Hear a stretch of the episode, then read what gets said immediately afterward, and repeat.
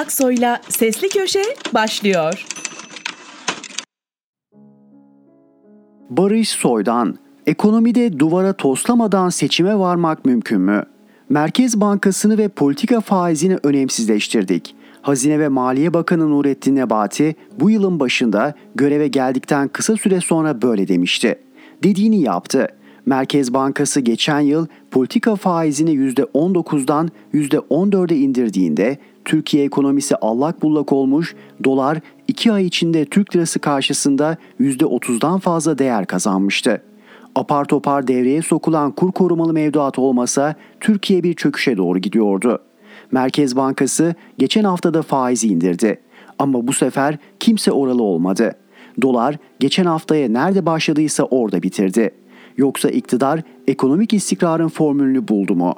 Rekor enflasyon ve milli gelirin %5'ine ulaşan cari açıkla istikrar kolay değil.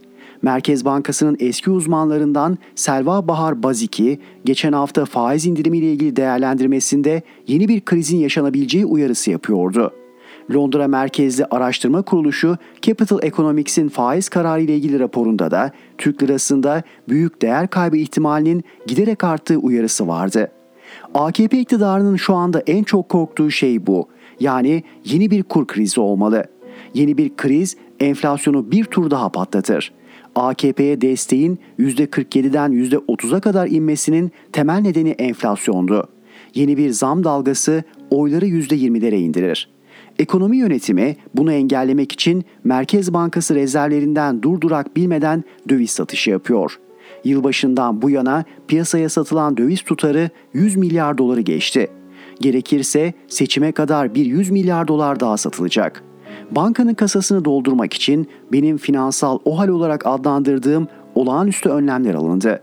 Yılbaşında ihracatçılara döviz gelirlerinin %20'sini Merkez Bankası'na satma zorunluluğu getirilmişti.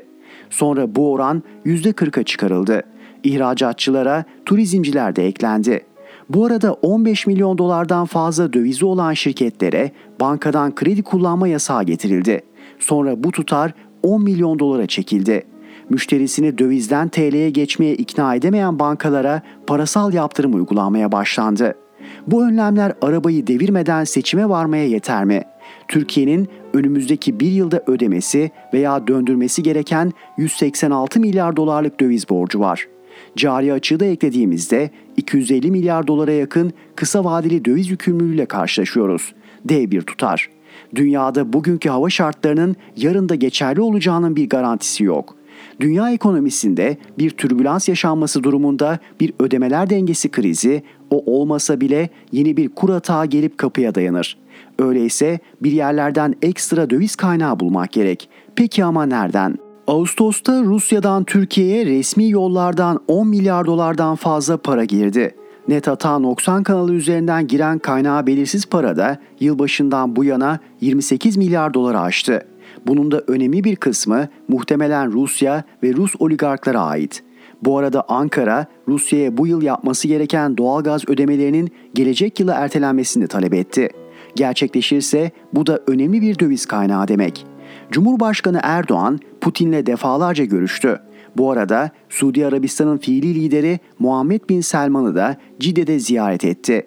Nisan'da gerçekleşen o ziyaret sırasında Suudi Arabistan'dan da 20 milyar dolarlık döviz kaynağı geleceği söylentisi yayılmıştı.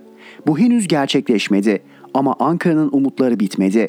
Hazine ve Maliye Bakanı Nurettin Nebati geçtiğimiz haftalarda İbrahim Kalın'la birlikte bir kez daha Suudi Arabistan'a giderek Bin Selman'la görüştü. Dışişleri Bakanı Mevlüt Çavuşoğlu'nun Suudi Arabistan'la Amerika arasındaki petrol fiyatı kavgasında Suudilerden yana saf tutarak ABD'ye kabadayılık doğru değil diye seslenmesi de uluslararası medyada Türkiye'nin finansal destek beklentisi bağlamında değerlendirildi.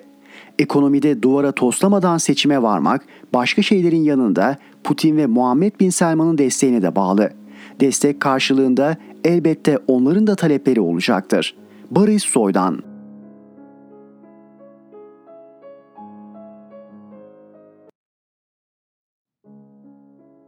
Fatih Altaylı Scooterlar terörden çok can alıyor. Aylardır yıllardır yazıp duruyorum. Kimsenin umuru değil. Ne belediyelerin, ne iktidarın, ne muhalefetin. Şaşırtıcı mı? Tabii değil. Al birine vur öbürüne. Sözünü ettiğim ve edeceğim mesele skuter terörü. Hani şu iki tekerlekli eski trotinetlerin elektrikli versiyonu. Çin'den ithal edilip sokaklarımızı saran rezillik. Başta İstanbul olmak üzere tüm büyük kentlerimizde araç sürücülerinin ve yayaların kabusu, kullanıcılarının ise Azrail'i olan sözde ulaşım aracı. Hiçbir trafik kuralına bağlı olmadan trafiğin içinde cirit atan kendisi küçük, etkisi büyük felaketler. Dün yine İzmir'de iki genç scooter'da can vermiş. Gün geçmiyor ki birileri bu aletlerin üzerinde ya ölmesin ya yaralanmasın. Neredeyse her gün bir can ve buna rağmen bunların en ufak bir kuralı yok. Trafiğin içinde cirit atıyorlar, bir plakaları yok. Tek kişilik olmalarına rağmen bazen iki, bazen üç kişi biniyor, kontrol eden yok. Trafiğin içinde ve hiç de yavaş sayılmayacak bir hızda kullanılmalarına rağmen kullanıcılarda en ufak bir koruyucu ekipman, bırakın koruyucu ekipmanı bir kask bile yok. Trafik kurallarına tabi olmadıkları için araç trafiğine ters yönde gitmelerine bir engel yok. Kullanıcısının canı çekerse yolda, araçların arasında, canı çekerse kaldırımda, yayaların arasında gitmelerini engelleyen birisi yok. Motorlu araç olmasına rağmen kullanıcıların ehliyeti olup olmamasının önemi yok. Kullanıcının bir alt yaş sınırı yok. 3 yaşında çocuklar bile binebiliyor. Bu saydıklarımın hepsi doğru, hepsi gerçek. Birkaç gün önce Şişli'de yemin ederim en fazla 6-7 yaşlarında 3 çocuk trafiğin içinde hızla yol alıyorlardı. Her gün tek yönlü trafikte tersten üstünüze doğru gelen bir scooterla mutlaka burun buruna geliyorsunuz. Uyarırsanız bir de küfür yiyorsunuz. Kaldırımda ayağınıza takılan çarpan bir scooterla mutlaka muhatap oluyorsunuz. Ve tüm bunlardan daha önemlisi bu aletleri kullanan bir genç, bir çocuk sürekli ölüyor. Ve bu rezillik yetmezmiş gibi aynı sisteme şimdi bir de küçük motosikletler dahil olmuş. Ne kask zorunluluğu, ne ehliyet sorgusu, ne başka bir şey. Fıldır fıldır geziyorlar ve daha vahimi sözde trafik polisleri de bunlara hiçbir şey yapmıyor, sormuyor. Bu kadar rezillik boşu olmaz diyorum. Birileri bu işin rantını, avantasını, rüşvetini fena yiyor olmalı ki bu rezalet artarak sürüyor ve bunun doğal sonucu olarak gençler ölüyor. Sorun çözmekten göz boyamaya. Hafta sonu telefonum aynı numara tarafından ısrarla aranınca açtım. Hafif bir Güneydoğu şivesiyle konuşan kibar bir beyefendi. Önce kendini tanıtıp Fatih Bey, müsaitseniz bir şey anlatmak istiyorum dedi. Müsait olmadığımı söyledim ki gerçekten uygunsuz bir zamandı. O zaman sonra arayayım dedi kapattı. Ertesi gün daha erken bir saatte aradı. O kadar kibardı ki uzun uzun dinledim. Diyarbakır'dan arıyordu. Orta halli bir çalışandı. Fatih Bey, siz yazmasanız kimsenin umurunda değil. Yazınca umurlarında oluyor mu ondan da emin olamıyorum ama en azından biz bizi anlayan birinin varlığını hissedip mutlu oluyoruz dedi. Bir babaydı. İki çocuğu vardı ve ikisi de üniversite talebesiydi. Bunlardan biri geçen yıl İzmir'de bir üniversiteyi kazanmıştı. Diğeri ise bu yıl İstanbul'da. Geçen yıl yurda başvurduk. Çıkmadı. 3 kuruşluk evlere 10 kuruş istenilen bir ortamda ev kiraladık mecburen. Boğazımızdan kıstık. Bu sene her ikisi de yurt için başvurdu. Birine çıkar dedik. İkisine de yine yok. Ev aradık İstanbul'da da. Bir arkadaşıyla oturabileceği. Diyarbakır'da hayvan bağlamaya utanacağımız yerlere İstanbul'da istenilen kiraları görünce şaşırdık. Ortalıkta sorunu çözdük diye dolaşanlara söyleyin. Çözdükleri bir şey yok. Kendilerini kandırıyor olabilirler ama bizi kandıramıyorlar dedi. İktidar gençlerin yoğun olduğu her ortamda gençleri türlü hilelerle partiye üye kaydetmeye çalışacağına, gençlerin bu sorunlarını çözmeye çalışsaydı belki gençler arasındaki popülaritesini bir nebze artırabilirdi. Ama artık AK Parti iktidarı sorun çözmektense göz boyamayı tercih eden bir iktidar haline geldi. Hem de uzunca bir süredir. Ama emin olun boyamaya çalıştıkları göz bizimki değil. Sicil amirlerinin gözünü boyamaya çalışıyorlar sadece. Gerisi umurlarında değil. Bu şey hakem olmamalı. Spor daha doğrusu futbol konularına girmemeye çalışıyorum. Fanatizmin doruk yaptığı, aklın ortadan kalktığı bir konuda muhatapların kalitesizliği de bunun üzerine eklenince konudan uzak durmak aslında en iyisi. Ama bazen insan istese de duramıyor. Geçen hafta Galatasaray yönetimi Futbol Federasyonu'na giderek federasyondan ve hakemlerinden adalet talep etti. Çok ilginçtir. Fenerbahçe yönetimi bu adalet talebinden çok rahatsız oldu. Adalet istenmesinden kim niye rahatsız olur anlamak mümkün değil. Şaşırdım. Geçen senelerin hakemlerden ve federasyondan en fazla rahatsız olan Hakemler ve federasyon aleyhine en fazla açıklama yapan yönetimi Galatasaray'ın federasyona yönelik tepkisinden niyeyse çok rahatsızdı. Şaşırdım. Dünse tam bir rezillik vardı karşımızda. Ali Palabıyık adında bir rezillik. Çok açık ki bu çocuk federasyonun pis işlerini yapmakla görevlendirilmiş. Geçen yıl Rize Spor Galatasaray maçında tetikçiydi. Galatasaray'ın küme düşme ihtimali o günün federasyonu rahatsız etmiş olmalı ki Ali Palabıyık sahaya sürüldü. Açık söyleyeyim Palabıyık'ı maça atadıklarını duyunca Galatasaray'a kötülük yapmak için gelmiştir diye düşünmüştüm. Tam aksini yaptı. Biri çok açık iki faulü vermeyerek Rize Spor'un yenilmesini sağladı ve Galatasaray'ın düşme potasına girmesini federasyon emriyle engelledi. Sonrasında bir maç daha Galatasaray'a federasyon eliyle kazandırılarak Galatasaray'ın kümeye tutunması sağlandı. Dünse aynı adam yine tetikçi olarak sahadaydı ama bu kez alışkanlığı olduğu üzere Galatasaray karşıtı olarak. Tek tek olaylara girmeyeceğim ama ben hayatımda bu kadar iğrenç bir hakemlik görmedim. Galatasaraylı futbolcuları kutluyorum. Bu hakeme karşı müthiş bir sabır gösterdikleri için. Çünkü çok açık ki niyeti futbolcuları delirtip 3-5 kırmızı kartla Galatasaray'ı tamamen bitirmekti. Futbolcular direndi, tuzağa düşmedi. Galatasaray bu maçın videosunu UEFA ve FIFA'ya götürmeli. Böyle bir rezaletin hakem kimliği altında sahaya çıkması engellenmeli. Galatasaray UEFA'ya yollayacağı videoya geçen yılki Rize maçının görüntülerini de koymalı ki mal iyice ortaya çıksın ve bu Ali Palabıyık denilen şey futbolu daha fazla kirletememeli. Şey diyorum çünkü bunun hakem olmadığı çok açık. Bu yaptıklarından sonra hangi yüzle sokağa çıkacağıysa gerçekten merak ediyorum. Baroya kutlama. İstanbul Barosu üyelerini ilkesizliğe prim vermedikleri için ve böyle bir dönemde bir kadın avukatı Türkiye'nin en büyük barosuna başkan seçtikleri için kutluyorum. Kadınların böyle bir şeye çok ihtiyacı olan dönemde, sadece doğurma makinesi olarak görülmelerinin istendiği bir dönemde bir kadını başkan seçmek çok önemliydi. 30 yıldır tüm davalarımda iki kadın avukat tarafından temsil edildiğim için bu seçim beni çok mutlu etti. Ne zaman insan oluruz? İşimiz sevdiklerimizden daha önemli olmadığı zaman. Fatih Altaylı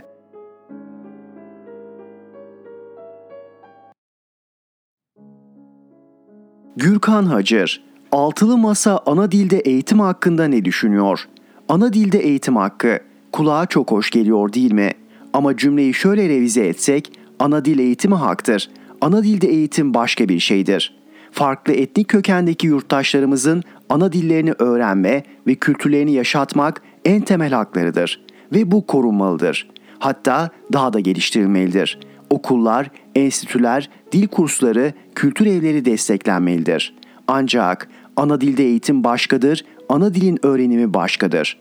Rize Lisesi'nde Lazca Matematik, Artvin Ortaokulu'nda Gürcüce Kimya, Urfa Lisesi'nde Kürtçe fizik okuttuğunuzu, ayrıca bu gençlere tek tek üniversite açmanız gerektiğini düşünün.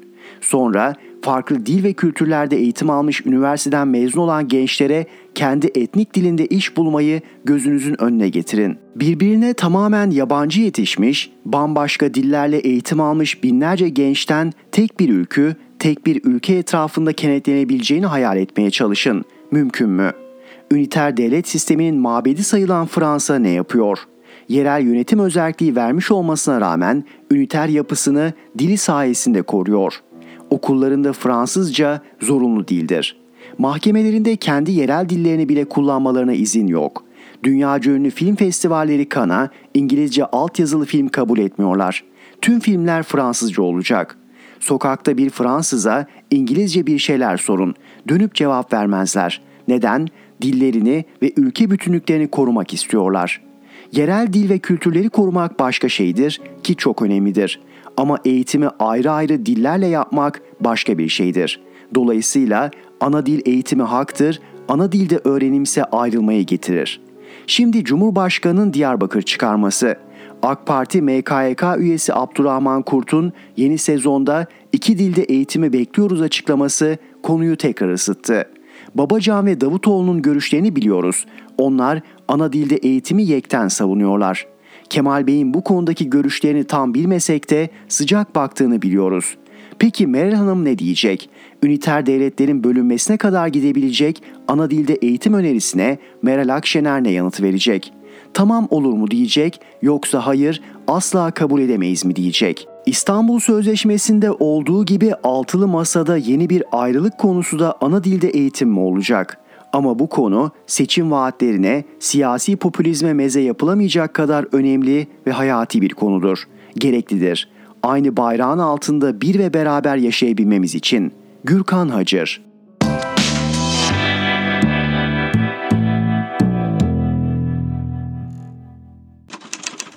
Erhan Gökayaksoy'la Sesli Köşe devam ediyor. İsmail Saymaz Bartın'da 6 savcı var, hala tek bir gözaltı yok. Bartın'da 41 işçinin can verdiği maden faciasının üzerinden 11 koca gün geçti. Geçtim tutuklamayı hiçbir şüpheli gözaltına alınmadı. Oysa Soma'da faciadan 5 gün sonra 26 kişi evden gözaltına alındı. Soma AŞ Yönetim Kurulu Başkanı Can Gürkan da dahil 8'i tutuklandı. Ermenek'te farksız mıydı sanki? 9 gün sonra baskın ve gözaltılar yaşandı. Maden sahibi Safet Uyar'ın aralarında olduğu 5'i cezaevine gönderildi. Bartın'daki madenin sahibi Türkiye Taş Kömürü Kurumu olduğu, Genel Müdür Kazım Eroğlu siyaseten ya da hemşerilikten ötürü korunduğu ve bu koltukta oturtulduğu için soruşturmada bir milim ilerleme olmuyor. İşçi mezarlarında Kur'an okuyarak iktidarın sorumsuzluklarını dini istismarıyla kapatacağını sanan Adalet Bakanı Bekir Bozdağ göz boyamak için 6 savcı birden atadı. Sanırsınız TTK'nın altını üstüne getirecekler. Sanırsınız kimsenin gözünün yaşına bakmayacaklar. Sanırsınız şehit madencilerin ahını yerde komayacaklar. Şu 10 günün sonunda ancak TTK Amasra Müessese Müdürü Cihat Özdemir'le İş Sağlığı, Güvenliği ve Eğitim Daire Başkanı Faik Ahmet Sarıalioğlu'nu adliye görüşmeye davet edebildiler. Bu daveti eminim Eroğlu'nun müsaadesiyle yapabilmişlerdir. Zaten TTK'cıları öyle çok tutmadılar. Görüşme dediğin 10 dakikacık. Altı kudretli savcımızın işleri başlarından aşkın olmalı.'' Bartın Cumhuriyet Başsavcılığı'nın 18 Ekim'deki açıklamasına göre mağdur ve tanıkların ifadelerini alıyorlarmış. Dijital delillere el koymuşlar. Bir bilirkişi heyeti oluşturmuşlar. Galiba TTK'cılara asla sıra gelmeyecek. Bartın'da 6 savcı geçen 10 günde bir şüpheliyi bile gözaltına alamadıysa kusur bulamadıklarından değil, kusurluyu soruşturacak gücü bulamadıklarından olsa gerekir.'' Kozlu'da 2013'te 8 işçinin öldüğü maden kazasında ölüme sebebiyet vermekten 24.400 TL para cezasına çarptırılan Kazım Eroğlu bu sabıkasına rağmen terfi edip TTK Genel Müdürlüğü koltuğunda oturuyorken kim kime nasıl dokunabilecek? Eroğlu 8 işçinin can verdiği gün TTK'nın Kozlu Müessese Müdürüydü. İki bilirkişi raporuna göre TTK ani gaz, kömür ve kaya püskürmesi ve metan gazı tehlikesine rağmen ocağı uzmanlığı bulunmayan taşeron şirkete verdi. Taşeron sondaj kuralını ihlal etti. Sondajda göçükler olduğu halde degaj tehlikesi fark edilmedi. TTK'nın denetim ekibi riski algılayacak birikimde değildi. İş güvenlik uzmanı yoktu. İş durdurma yetkisi kullanılmadı, para cezalarıyla yetinildi. Yasaklı olmasına rağmen gecikmeli kapsül patlatıldı. Üstelik bu mesai saatinde yapıldı. Gaz ölçer eskiydi. Barutla ateşleme sırasında işçiler 200 metre uzakta olmalıyken 95 metre içeride durdu. İddianameden ateşleme mahalli 200 metrede olsa ateşleme sırasında işçiler korunuyor olsalar ölen olmayacaktı. Zonguldak 1. Ağır Ceza Mahkemesi'nde 10 sanıklı dava açıldı. 3 yetkiliye taksirle ölüme ve yaralanmaya sebebiyet vermekten 8'er yıl 4'er ay, Eroğlu'yla bir sana 4'er yıl ceza verildi. Cezası 24.300 TL paraya çevrilen Eroğlu görevden el çektirilmesi gerekirken terfi ettirildi. O gün TTK Yönetim Kurulu başkanları ve yöneticileri kusurlu bulundu. Bilirkişi raporundan TTK'nın uzmanlık alanında olan işi teknolojik olarak yenilik getirmeyen bir yüklenici firmaya vermiş olması, yüklenici firma ve TTK arasında iki başlılık meydana getiren hatalı bir sistem kurulması, kömür damarlarının gaz içerikleriyle degaja yatkınlıklarına ilişkin yüklenici firmaya yeterli bilgi verilmemesi. Başsavcılık soruşturma açmak için Enerji ve Tabi Kaynaklar Bakanlığı'ndan izin istedi. İzin verilmedi. Avukat Murat Kemal Gündüz Anayasa Mahkemesi'ne başvurdu. Anayasa Mahkemesi 2018'de yaşam hakkının usulen ihlal edildiğine ve ihlalin sonuçlarının ortadan kaldırılması için yeniden yargılama yapılması gerektiğine karar verdi. Alınan bu karardan 4 yıl sonra emekli TTK Genel Müdürleri Burhan İnan ve Rifat Dağdelen'e emekli genel müdür yardımcıları Mustafa Şimşek ve Çetin Onur'a emekli yönetim kurulu üyeleri Mahmut Yılmaz ve Mehmet Açıkele Zonguldak 3. Ağır Ceza Mahkemesi'nde görevini kötüye kullanmak ve taksirle ölüme ve yaralanmaya neden olmaktan dava açıldı. Sanıklar kazanın öngörülemeyen bir sebepten kaynaklandığını ve bilirkişi raporunda bu durumun kaçınılmazlık olarak değerlendirildiğini savunuyor. Ancak iddianamede Yargıtay'a göre kaçınılmazlık olgusunun iş mevzuatı ve teknolojisinin öngördüğü tüm önlemlerin alınmasına rağmen iş kazasının gerçekleşmesi halinde kabul edileceği belirtiliyor. Kozlu'da ise iş mevzuatı ve teknolojisinin öngördüğü tüm önlemlerin alınmadığı kaydediliyor. Bu davanın ilk duruşması bugün görülüyor. TTK Genel Müdürü Eroğlu Kozlu'daki eski amirleri ve yeni dava arkadaşlarının yargılamasını takip ederse geleceği açısından yararlı olur. Türkiye 7 ay sonra sandığa gidiyor. Eğer iktidar değişirse bütün siyasi zırhlar kalkar. Nasıl Kozlu'nun TTK genel müdürleri, müdür yardımcıları ve yönetim kurulu üyeleri bugün emekliliklerini sürerken yargılanıyorsa, Bartın'ın failleri de kendilerini hakim karşısında bulur. Üstelik emeklilikleri beklenmeden olur her şey. Peker'in Ramazan kolisini dağıtmak örgüte yardım oldu. İktidara destek verirken Rize'de rahatlıkla miting düzenleyen Peker'in videolar yayınlamaya ve paylaşımlar yapmaya başlamasından sonra şehirde Ramazan'da dağıttığı yardım kolleri örgüte yardım kapsamına sokuldu. Peker bu yıl Ramazan ayına denk gelen 2 Nisan günü Rize'de yardım kolleri dağıttı. İstanbul'dan tırla gönderilen koliler Rize'de muhtarlara elden verildi. Yardım görüntüleri Peker'in danışmanı Emre Olur tarafından Twitter'dan yayınlanınca Rize'de operasyon yapıldı. Bu yardımı organize eden Yılmaz G ve Erkan S, görüntüleri çeken gazeteci Hüseyin Y, yardımları alan Rize Muhtarlar Federasyonu Başkanı Tuncay Maşalacı ve Merkez Muhtarlar Derneği Başkanı İrfan Kaya'nın aralarında olduğu 10 kişi gözaltına alındı. Yılmaz G, Erkan S ve Hüseyin Y'ye suç örgütüne yardım gerekçesiyle Ağır Ceza Mahkemesi'nde dava açıldı. KuzeyTV.com muhabiri Hüseyin Y haklı olarak soruyor. Peker'i bugüne kadar iktidar korudu. Peker Rize'de miting yaptı. Daha önce de çok kez yardım dağıttı. Şimdi mi yardımlar suç oldu? İsmail Saymaz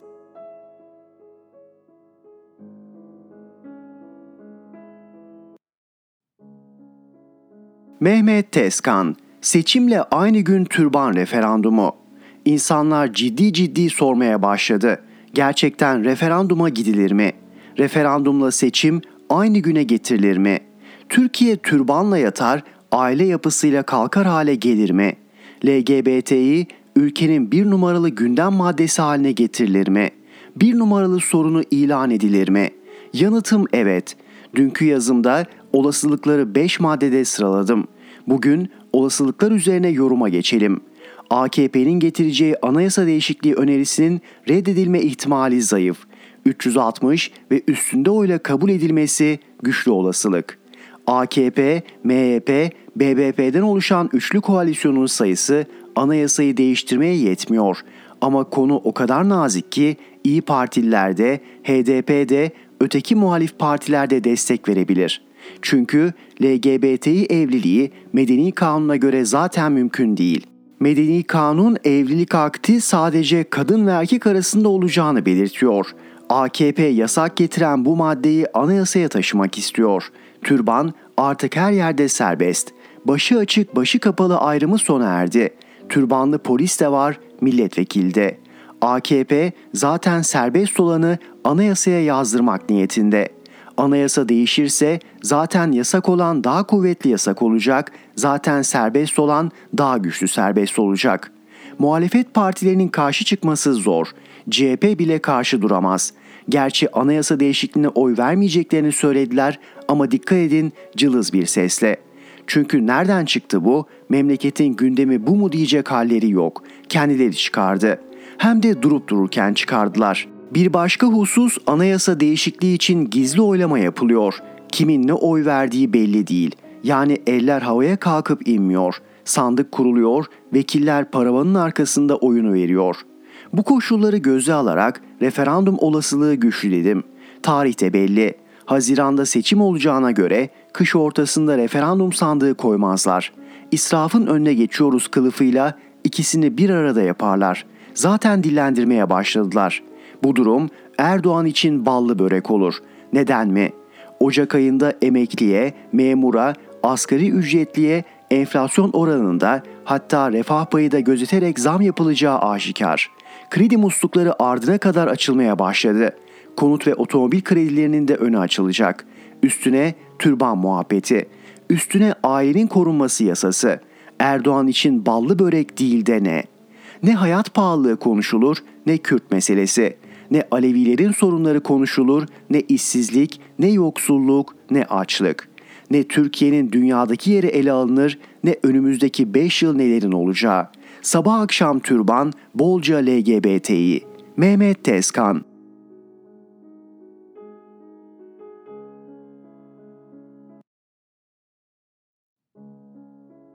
Müyesser Yıldız İktidar ve muhalefetin meleklerin cinsiyeti mesaisi. Bu ülkede türban sorunu var mı? Varsa da milletin devasa sorunlar listesinde acaba kaçıncı sıradadır? Daha geçenlerde Adalet Bakanı Bekir Bozdağ bile bakın bugün ülkemizde başörtülü vekil var mı? Bakanlarımız oldu mu? Kamuda her alanda asker, polis, hakim, savcı var mı? Eğitimde orta öğretim, yüksek öğretimde yaşanan bir sorun var mı? Biz bu sorunu 2013'te çözmüşüz. 9 yıl olmuş sorun çözüleli ve Türkiye'de herkes böyle bir sorun varlığını bile unutmuş tespitini yapmadı mı? Ve dün Erdoğan şimdi devletin kurumlarında başı açığı da var, başörtülüsü de var. Bütün bunlarla beraber okullarımızda böyle bir sıkıntı var mı? Başörtülüsü de, başı açığı da kardeş kardeş üniversitelerimizde, orta öğretimde her yerde okuyabiliyor demedi mi?'' Durum aynen bu olduğu halde Kemal Kılıçdaroğlu'nun türban garantisine ilişkin kanun teklifiyle yeniden nur topu gibi bir konumuz oldu. Ve AKP hem ağlarım hem giderim misali bunun anayasa değişikliği halledilmesi hatta referanduma götürülmesi misillemesinde bulundu. Erdoğan dün Malatya'da Bay Kemal'e şöyle seslendi. Gel dedim anayasa güvencesi altına alalım. Bakalım gelebilecek mi? Göreceğiz. Biz şimdi hazırlıkları yaptık. Bu anayasa değişikliğini meclise göndereceğiz. Gelir veya gelmez. Maksat tüm milletimiz bunu görsün, bunu tanısın. Yandaşlarını da tanısın, altılı masayı da tanısın. Şunu da yapabiliriz. Nedir o? Hadi sıkıyorsa gel bu işi referanduma götürelim. Öyle mi? Parlamentoda bu iş çözülmüyorsa millete götürelim, kararı millet versin. Demek ki maksat üzüm yemek değil, milletimize altılı masanın gerçek yüzünü göstermekmiş. Öte yandan bizler bu anayasa değişikliği teklif ve niyetlerini havucun yanına neler konduğunu 2010'daki imkan olsa mezardakileri bile kaldırarak referandumla evet oyu kullandırmak lazım zihniyetinden gayet iyi biliyoruz. Nitekim AKP'nin cemevleri torbasından Anayasa Mahkemesi'nin iptal ettiği Katar'a liman peşkeşi yeniden çıkmadı mı? Keza türban teklifinin yanına şimdilik anayasanın ailenin korunması başlıklı 41. maddesi de eklenmedi mi?'' Neymiş? Aileyi LGBT'lilerden koruyacaklarmış. Daha önce de belirttik, sanırsınız ki tüm dertlerimiz bitmiş, ülkeyi LGBT'liler işgal etmiş.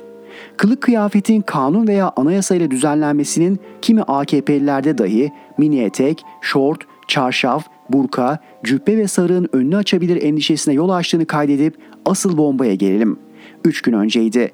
Adalet Bakanı Bekir Bozdağ esasında anayasa ve yasalarda bunu yasaklayan bir şey bulunmadığını ama ilkel uygulamada dönemin yöneticilerinin anayasa ve yasaları hiçe saymasından oluşan fiili bir durum olduğunu, bundan sonra böyle bir fiili durumda olmasın diye daha büyük bir tahkimat yaptıklarını anlatırken şunu söyledi.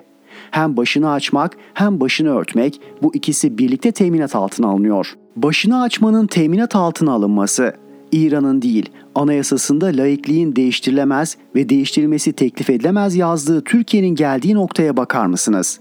Anayasanın nice hayati maddelerini ayaklar altına alanlar başı açıklara verecekleri bu teminatı mı çiğnemeyecek? Birkaç yıl sonra kamuda çalışan kadınlara başını örtme mecburiyeti getirmesinler de. Aile maddesine değişikliğin nereden çıktığını masaya yatıralım.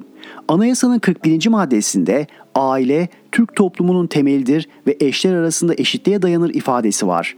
İşte AKP eşler ibaresini LGBT sebebiyle muğlak bulduğundan bunu aile kadın ve erkekten oluşur şeklinde değiştirecekmiş.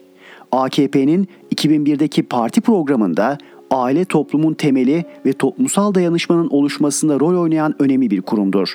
Yaşanan bütün olumsuzluklara ve ekonomik sıkıntılara rağmen toplum olarak ayakta duruşumuzu büyük çapta sağlam aile yapımıza borçlu olduğumuz açıktır tespiti yapıldı. 2018'de açıklanan 2023 vizyonunda da bizim diğer toplumlardan en büyük fark ve üstünlüklerimizden birisi sağlam bir aile yapısına sahip olmamızdır. Nitekim tüm zorluklara, sosyal ve bireysel sarsıntılara rağmen toplumumuzu ayakta tutan aile yapımızdır denildi. Aile yapımızı son 4 yılda LGBT'liler mi bozdu sorusunu yöneltmekle yetinip Adalet Bakanı Bekir Bozdağ'ın gerek türban gerekse aileye ilişkin değişiklik çalışmaları hakkında verdiği bilgiyi aktaralım. Erdoğan'ın talimatından sonra hemen harekete geçip bir ekip kurduklarını, bakanlıkta bir çalışma yaptıktan sonra bunu AKP grubu ve TBMM komisyonlarındaki hukukçularla değerlendirdiklerini, ayrıca akademisyenlerle bir araya geldiklerini anlatırken şunu da kaydetti. Çıkan sonuçları kabinede Sayın Cumhurbaşkanımıza ve kabinedeki arkadaşlarımıza arz ettik. Orada bir değerlendirme yaptık. Tabi bu arada Sayın Cumhurbaşkanımıza, bakanlarımıza, partimize gelen pek çok vatandaşlarımızdan, sivil toplum örgütlerinden öneriler var. O önerileri de tekrar çalışalım şeklinde bize bir talimat verildi. Biz bu sefer tekrar o gelen bir bütün farklı kesimlerden değerlendirmeleri ve analiz eden bir çalışma daha yürüttük. Bozdağ'ın sivil toplum örgütlerinden öneriler olduğu açıklamasından hareketle AKP üzerinde etkili bu örgütlerden bazılarının programlarına bakalım. Sadat'ın kurucusu olarak bilinen ve bir dönem Erdoğan'ın baş danışmanlığını yapan Adnan Tanrıverdi'nin hazırladığı Askira İslam Ülkeleri Birliği Konfederal Cumhuriyet Anayasası modelinin şimdi türban için değiştirilmesi planlanan Din ve Vicdan Hürriyeti başlıklı 26. maddesi mevcut anayasamızdaki düzenlemenin aynısıydı. Aile maddesinde ise aile İslam toplumunun temelidir denirken eşler arasında eşitliğe dayanır ibaresi aynen yer almıştı.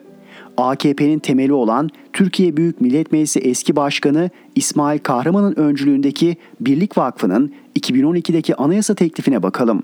Başkanlık sisteminin savunulup laikliğin anayasadan çıkarılmasının istendiği o teklifte de şunlar vardı. Kılık ve kıyafet ya da dini semboller eğitim ve öğretim hakkından yararlanmayı engelleyecek şekilde yasaklanamaz. Aile toplumun temelidir, annelik ve babalık toplumdaki saygın sosyal değerleri oluşturur. Geçtiğimiz hafta Alimler ve Medreseler Birliği, İttihadül Ulema'nın Diyarbakır'da düzenlediği, Taliban'ın da katılıp laikliğin bol bol yerden yere vurulduğu toplantıyla bir kez daha gündeme gelen ve Hizbullah'a yakınlığıyla bilinen o toplantıda iktidar üzerinde etkili yazarlardan Yusuf Kaplan'ın da bölgenin emniyet subabı Müslümanların yüz akı ve haysiyetinin temsili diye nitelendirdiği Hüdapar'ın programına bakalım.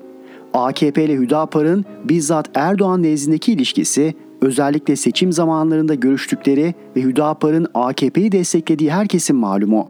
Keza Hüdapar'ın Kur'an-ı Kerim Arapça, hadis, ilmihal ve siyer derslerinin ilk öğretim birinci sınıftan itibaren ders olarak okutulması, bu alanda çalışma yapan sivil kuruluşların önündeki engellerin kaldırılması, medreselerin canlandırılması, her kademedeki eğitim kurumlarında bulunan eğitimci ve öğrencilerin diledikleri şekilde örtünebilmesi gibi birçok isteğinin yerine getirildiğini hatırlatıp gündemdeki türban ve aile düzenlemelerine ilişkin önerilerini aktaralım. Özetle deniliyor ki tüm devlet dairelerinde vatandaşların inançlarının gerektirdiği gibi giyinmesi ve tesettür serbest bırakılmalıdır. Çalışanlar inançlarına uygun kıyafetle mesleklerini icra edebilmelidirler. Aile bir erkek ve bir kadının evlenmesiyle kurulur. Bazı ülkelerde vuku bulan eşcinsel sapık ilişkilerle aile kurulmaz. Buna aile denemez. Aile kurumunun kutsallığını ortadan kaldıran bu tür sapık ilişkiler toplum ve devlet tarafından meşru kabul edilemez. Nesli ifsat ettiği için tüm insanlığı tehdit eden cinsel sapıklıklar yasaklanmalı ve suç kapsamına alınmalıdır. Peki Erdoğan dünkü Malatya programında neler söyledi? Milletimizi sapkın ve sapık akımların saldırılarından beraberce koruyalım. Farklı siyasi partiler olarak 2023 seçimi öncesi tarihi bir uzlaşmaya imza atalım dedikten sonra şunları. Kanun teklifleriyle oyalanmak yerine anayasa değişikliğiyle kalıcı çözüme kavuşturalım, aile kurumunu daha da güçlendirelim. LGBT diyorlar. Güçlü bir ailede LGBT diye bir şey olabilir mi? Hüdapar'la bu örtüşme tesadüf sayılabilir mi? Sadede gelirsek iktidarıyla muhalefetiyle adeta meleklerin cinsiyeti üzerinden mesai yapıyorlar. Çünkü Cumhur İttifakı'nın ne söz konusu değişiklikleri meclisten geçirecek ne de referanduma götürecek sayısal çoğunluğu var. Ama hiçbir şey olmasa da bir şeyler olacağı kesin. Öncelikle ülkenin yakıcı gündemi değişir. Muhalefet hodri meydan restini görürse olası anayasa değişikliği paketine örneğin tarikatların resmen serbest bırakılması da girebilir. En olmadı CHP ve ortakları seçim üzeri yine kaçak ilan edilir. Ez cümle Kemal Kılıçdaroğlu'nun durup dururken nasıl bir gayya kuyusuna taş attığını görüyor musunuz? Müyesser Yıldız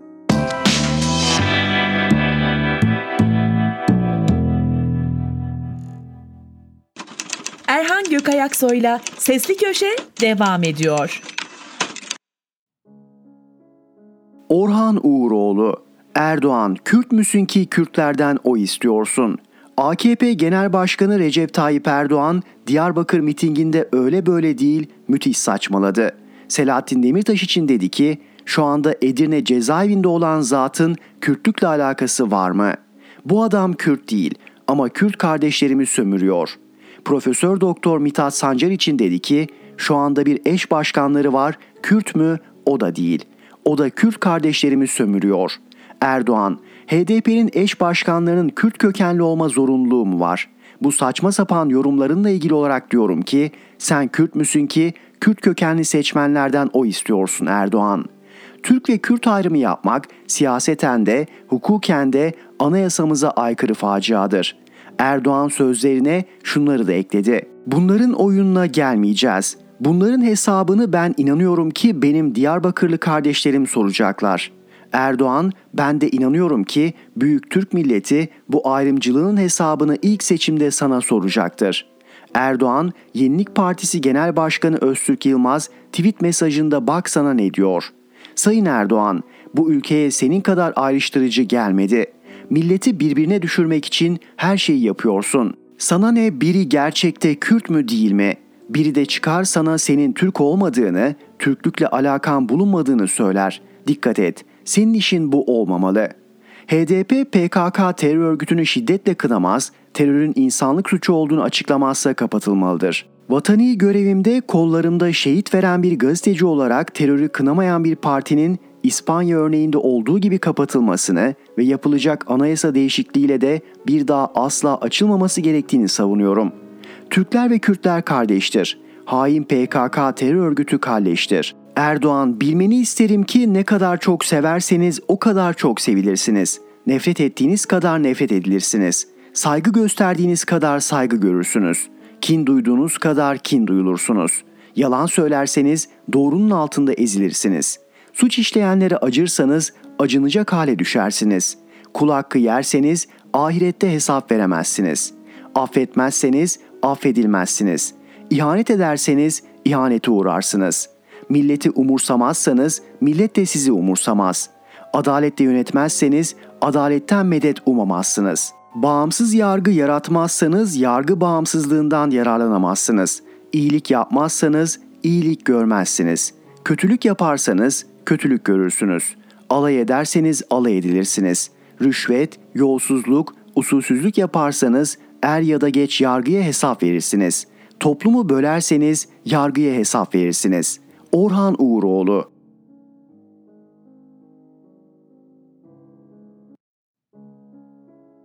Özdemir İnce Bu ne biçim iş kardeş? Hamed Abdel Samad'ın Le Faşizm İslamik adlı kitabını okuyup bitirdikten sonra son sayfaya İslam dünyası değişmediği takdirde yok olmaya mahkumdur. Bu sonuçtan sadece Türkiye kurtulabilir. Ama önce AKP'den kurtulacak notunu düşmüşüm. Bu cümleyi şu günlerde aklı başında olan her vatandaş yazabilir. Ama bu satırların yazarı AKP'nin kurulduğu günlerde 16 Eylül 2001 tarihli Hürriyet'te yayımladığı AK Parti'nin kolektif aklı başlıklı yazıda haber verdi. O günden bugüne aynı konuda neredeyse 10 kadar kitap yayımladı. AKP'ye katılan Mehmet Ali Çelebi'nin üye olma töreninde ailenin tek çocuklu olmasını kınayan AKP Genel Başkanı Erdoğan, Çelebi'nin eşinin doktora yaptığını öğrenince olmaz. Bu işin kariyeri çocuk doğurmak, sayıları artırmak lazım demiş. Kadın dernekleri ve örgütleri Erdoğan'ın bu sözlerine Kadınları rahat bırakın. Bu gericilik düzeni kadınları birer köle haline getirmek istiyor açıklamasıyla tepki göstermiş. Cumhuriyet Gazetesi'ne değerlendirmelerde bulunan Mor Çatı Kadın Sığınağı Vakfı gönüllüsü avukat Selin Nakıpoğlu, Cumhurbaşkanının kadınların hayatına, kadınların beden bütünlüğüne dair söylemiş olduğu bu sözleri şiddetle reddediyoruz. Biz kadınlar olarak bedenlerimize kaç çocuk doğuracağımıza, yaşam biçimimize, evlenip evlenmeyeceğimize biz karar veririz. Hiç kimse bizim hayatımıza karışamaz. Bir çocuklu olmak ya da çocuksuz olmak kusur değildir. Artık hayatlarımıza karışmayın. Kadınları rahat bırakın diye konuşmuş. AKP Genel Başkanı'nın kadını çocuk yapma makinesine indirgeyen sözlerine tepki gösteren kadınların fazlaca alıngan olduğunu kimse iddia edemez. Aslına bakarsanız AKP Genel Başkanı'nın bu konuşmayı Mehmet Ali Çelebi'nin transfer gösterisinde yapması çok anlamlı. Siz artık benim kulumsunuz. Anayasada yer almaz ama Türkiye'de kadınların çocuk doğurmasını zorunlu kılan bir yasa mı var? Yok. Özellikle de kadınların kariyeri çocuk doğurmaktır cümlesini nasıl değerlendireceğiz? 2022 yılında bir siyasetçinin böyle bir cümle kurması adres olarak siyasal ve sosyal İslamcılığı gösterir. Çağımızda sadece bu anlayış aile mahremiyetine saygısızca karışır. Çünkü aklı 2022 yılına gelmemiş, İslam'ın hem din hem devlet olduğu çağlarda kalmıştır. Ülkemiz yasalarına göre kadınları çocuk doğurmasıyla ilgili bir yasa yok. Peki Kur'an'da böyle bir zorunluluk var mı? Profesör Doktor Niyazi Kahveci tercümesi Kur'an'da göklerin ve yerin mülkü Allah'ındır. O dilediğini yaratır, dilediğine kız, dilediğine erkek çocuk bahşeder yazıyor. Yahut onları erkek ve kız olmak üzere çift verir, dilediğini de kısır yapar diyor. Yani çocuksuz bırakır diyor. Ha bir de ahir zamanda sizin en iyiniz çoluk çocuğu olmayandır diye hadisi şerifi var. Acaba bir parti başkanının bir genç çifte bol bol çocuk yapın diye buyurması İslam'la çelişmiyor mu? E artık göklerden yere inelim. AKP Genel Başkanı Turfan'da AKP'li Mehmet Ali Çelebi'nin maddi durumunu bilerek mi böyle konuştu? Diyelim ki kökten AKP'li bir vatandaşın 2022 yılının Ekim ayında 2 yaşında bir çocuğu var. Reisin sözünden çıkmayan vatandaş o gün işbaşı yaptı ve Temmuz 2023 yılında ikinci çocuğuna kavuştu. Üçüncü çocuk da 2025 yılında oldu. Okula gitmeden 3 çocuğun toplam gideri 5 bin liradan aşağı olamaz. Okul başladığı zaman bu gider en azından 10-15 bin liradır. Üniversite dönemini hesaba katmıyorum.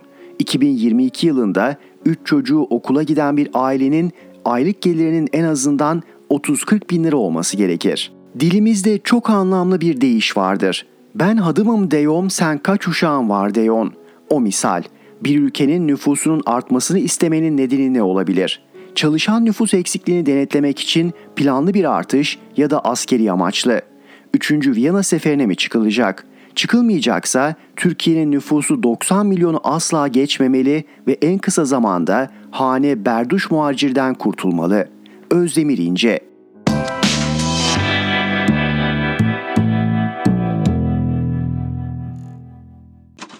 Erhan Gökayaksoy'la Sesli Köşe devam ediyor. Rifat Serdaroğlu, yoksulu yoksula kırdırırlar. Bir ülkeyi yönetenler vicdanlarını karartmışlarsa namusu, ahlakı, dürüstlüğü rafa kaldırıp utanmadan her gün yalan söylüyorlarsa o ülkede hiç kimsenin can güvenliği kalmamış demektir.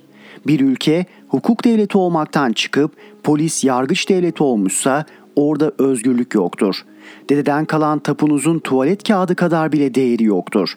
Paranız zaten sizin değildir.'' Bir ülkede vatandaşlar sahip oldukları hakların bilincinde değillerse demokratik rejimi, katılımcılığı, kadın erkek eşitliğini, inancımızın teminatı olan laikliğin ne olduğunu bilmiyorlarsa orada siyasi güce ve paraya hükmeden yönetenler yoksulu yoksula kırdırırlar. Depremlerde kimlerin evleri başlarına yıkılıyor, kimler canlarını yitiriyor dayanıklı, modern konutlarda oturan nispeten eğitimli zenginler mi yoksa derme çatma konutlarda oturan cahil garibanlar mı? Çatışmalarda, savaşlarda kimlerin çocukları ölüyor? Bedelli askerlikle askerlik yapmayan nispeten eğitimli zenginlerin çocukları mı yoksa geçinebilmek için polis ya da asker olmak zorunda bırakılan cahil garibanların çocukları mı ölüyor?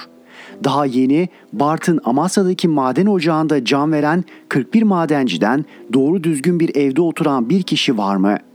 PKK narko terör örgütünün katilleri tarafından şehit edilen yavrularımızın ana babalarının evlerini görmüyor musunuz? İçlerinde bir tane olsun kaloriferli ev gördünüz mü? Göremezsiniz. Çünkü çok fakirdirler. Oğullarına bir iş kuramadıkları, bulamadıkları için yavrularının maaşlı askerlik yapmasına çaresizlikten izin vermişlerdir.'' Siz hiç bir AKP milletvekilinin yandaş müteahhitlerin çocuklarından askerlik yapan ve vatanı uğruna şehit olanı gördünüz mü? Göremezsiniz. Onlar bastırır parayı, çocuğuna bir gün bile askerlik yaptırmazlar. Erdoğan'ın çocukları Türkiye'de üniversiteye giriş için baraj puanını tutturamayınca Amerika'da okumadılar mı? İki oğlundan biri çürük raporu alarak diğeri bedelli olarak askerlikten kaçmadılar mı?'' Peki çaresizlikten dağa götürülmüş ve kendi vatanına ihanete zorlanmış Kürt kökenli çocuklar için de ilaç niyetine bir tane ağa çocuğu, aşiret sahibinin çocuğu, HDP'li milletvekili çocuğu gösterebilir misiniz? Gösteremezsiniz. Onlar çocuklarını ya yurt dışında ya da büyük şehirlerde altlarına son model arabalarla okuturlar. Nasılsa ölüme gönderilecek sahipsiz, fakir, gariban, zavallı binlerce Kürt kökenli genç var ki Sizlere bir resim hatırlatmak isterim. Hatay'da bir AKP milletvekilinin oğlunun karşısına dizilmiş polisleri amirlerin önünde teşhis edilmeyi beklerken görmüştük. AKP'li milletvekilinin oğluna trafikte ceza kesen polisi arıyorlardı. Bir tarafta vatan savunmasında şehit olan 24-25 yaşında polislerimiz, diğer yanda AKP'li milletvekilinin oğluna trafik cezası yazdığı için amirleri tarafından tokatlanan polislerimiz.'' Bir ülke PKK'ya her türlü desteği veren, onları koruyup kollayan peşmerge denen katilleri eğitip donatır, polislerimizi ise tam olarak eğitmeden serada salatalık yetiştirir gibi 6 ay yalandan eğitim verip sahaya sürerse daha çok vatan evlatlarının arkasından ağlarız.'' Ülkemiz siyasetindeki en çarpıcı durum şudur. Ezilenlerin, garibanların, fakir fukaranın çoğunluğuyla paradan para kazanan rantiye sınıfı AKP'ye oy verdi. Bir kısmı yine verecek. Fakat iki kesim de yanıldı. Fakir daha fakir oldu, AKP yandaş zenginlerini yarattı. Kendinden olamayanların ya mallarına çöktü ya korkutarak ucuza satın aldı. İnsanlarımızın artık ihvancı AKP'nin ve siyasal ümmetçiliğin gerçek yüzünü görmeleri ve oy tercihlerini ona göre yapmaları gerek. Yoksa AKP yoksulu yoksula kırdırmaya devam edecek.'' Çok zaman önce Yemen'e asker olarak giden vatan evlatlarının dönmemesi üzerine şu türkü söylenmişti. Tarlada biter kamış, uzar gider vermez yemiş. Şu Yemen'de can verenin biri Mehmet, biri Memiş. Yemen yolu çukurdandır, karavanan bakırdandır. Zenginimiz bedel verir, askerimiz fakirdendir. Türk milleti cahil bademleri iktidardan indirip hesap sormazsa yakında şu türküyü söyleyecek.'' Beştepe'nin yolu betondandır, koltukları altındandır. Badem sarayda keyif çatar, ölenimiz garibandır. Uyan be güzel milletim, uyan artık, yetmedi mi çektiğin? Rifat Serdaroğlu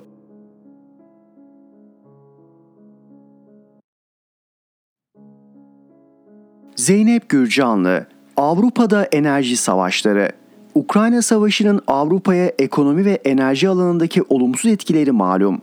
Ancak savaş artık Avrupa Birliği'ni siyasi olarak da etkilemeye başladı.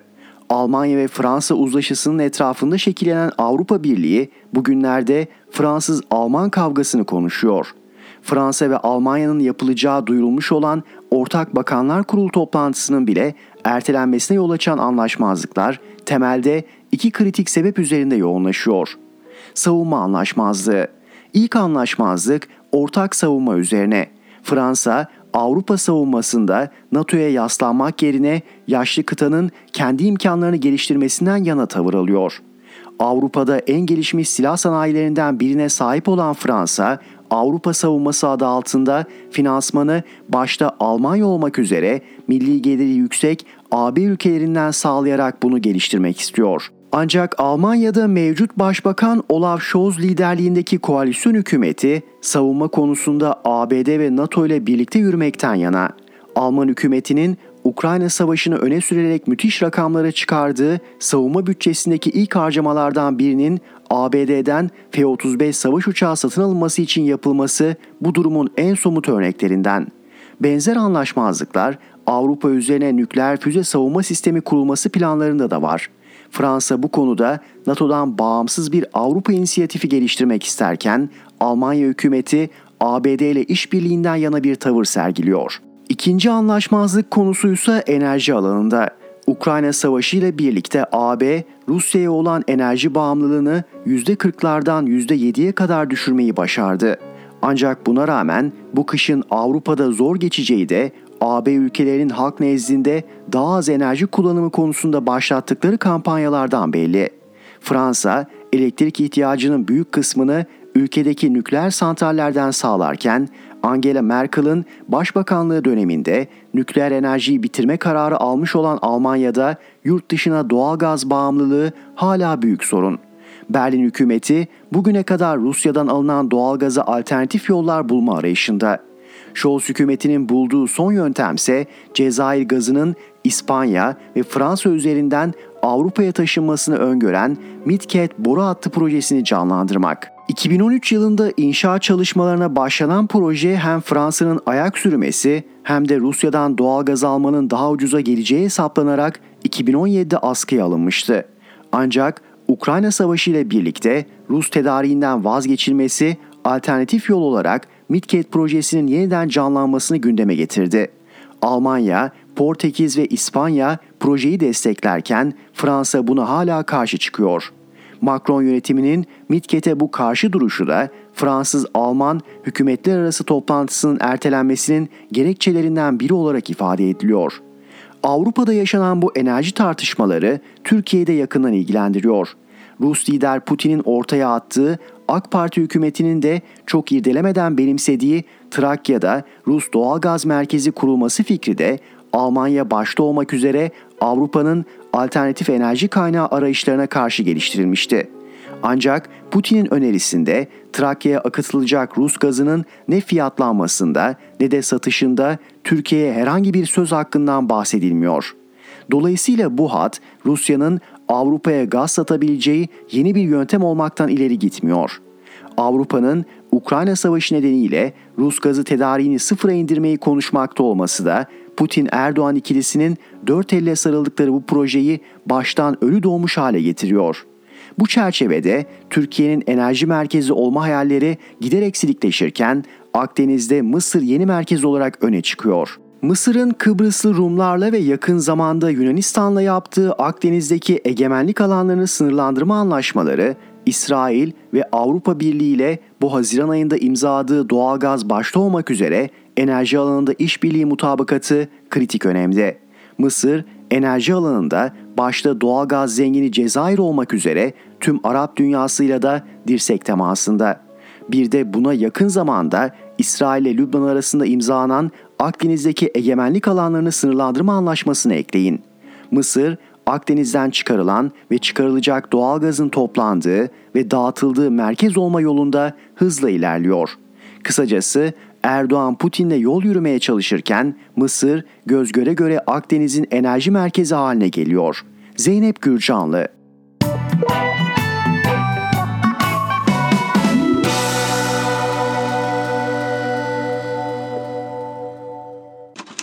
Erhan Gökayaksoy'la Sesli Köşe sona erdi.